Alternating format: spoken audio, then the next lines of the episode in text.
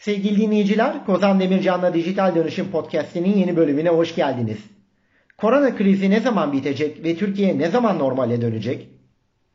Bu bölümde koronavirüsü kaynaklı Covid-19 salgını ile ilgili bir güncelleme paylaşmak istiyorum.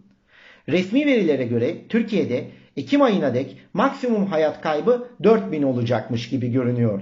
Ama eczacı dostum Ersun Urunga ile tahminlerimizi hafta başında maksimum 7700 olarak güncellemiştik.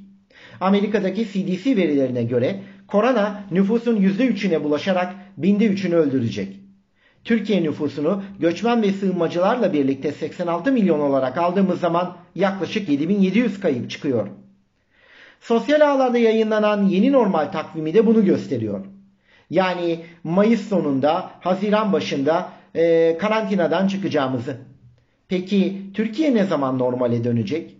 Yeni normal takvimine göre Türkiye'de hayat Mayıs başı veya en geç Haziran başında normale dönecek. Nitekim otomotiv sektörü sosyal mesafeyi koruyan kısıtlı üretime 4 Mayıs'ta başlıyor. Bu bir işaret.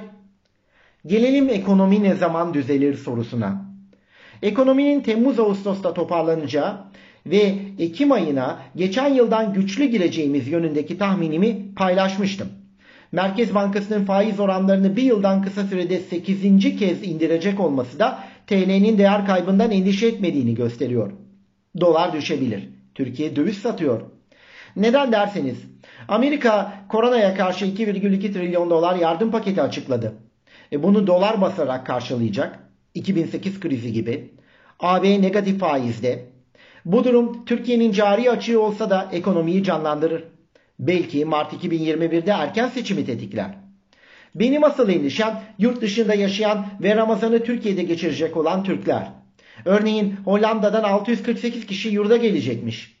Kanımca Ramazan'da Türkiye'ye giriş yapılmasını engellemek gerekiyor. Yoksa Ekim'e dek can kaybı daha fazla olabilir. Koronavirüsünü blogumda sizler için detaylı olarak yazdım.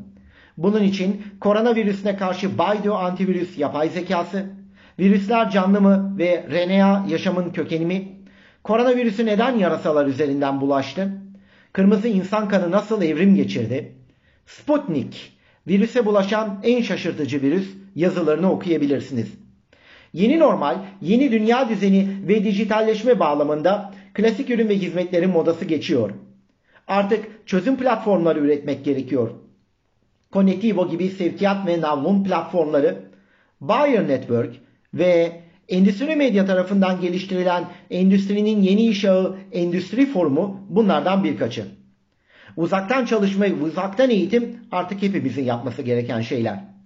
Ben de organizasyonlarda beceri açığını kapatarak dijital dönüşüm yapma konusunda sizleri güncellemeye devam edeceğim. Ulusumuzun kurucusu Atatürk'ün armağan ettiği 23 Nisan Ulusal Egemenlik Bayramınız kutlu olsun. Sağlıcakla kalın.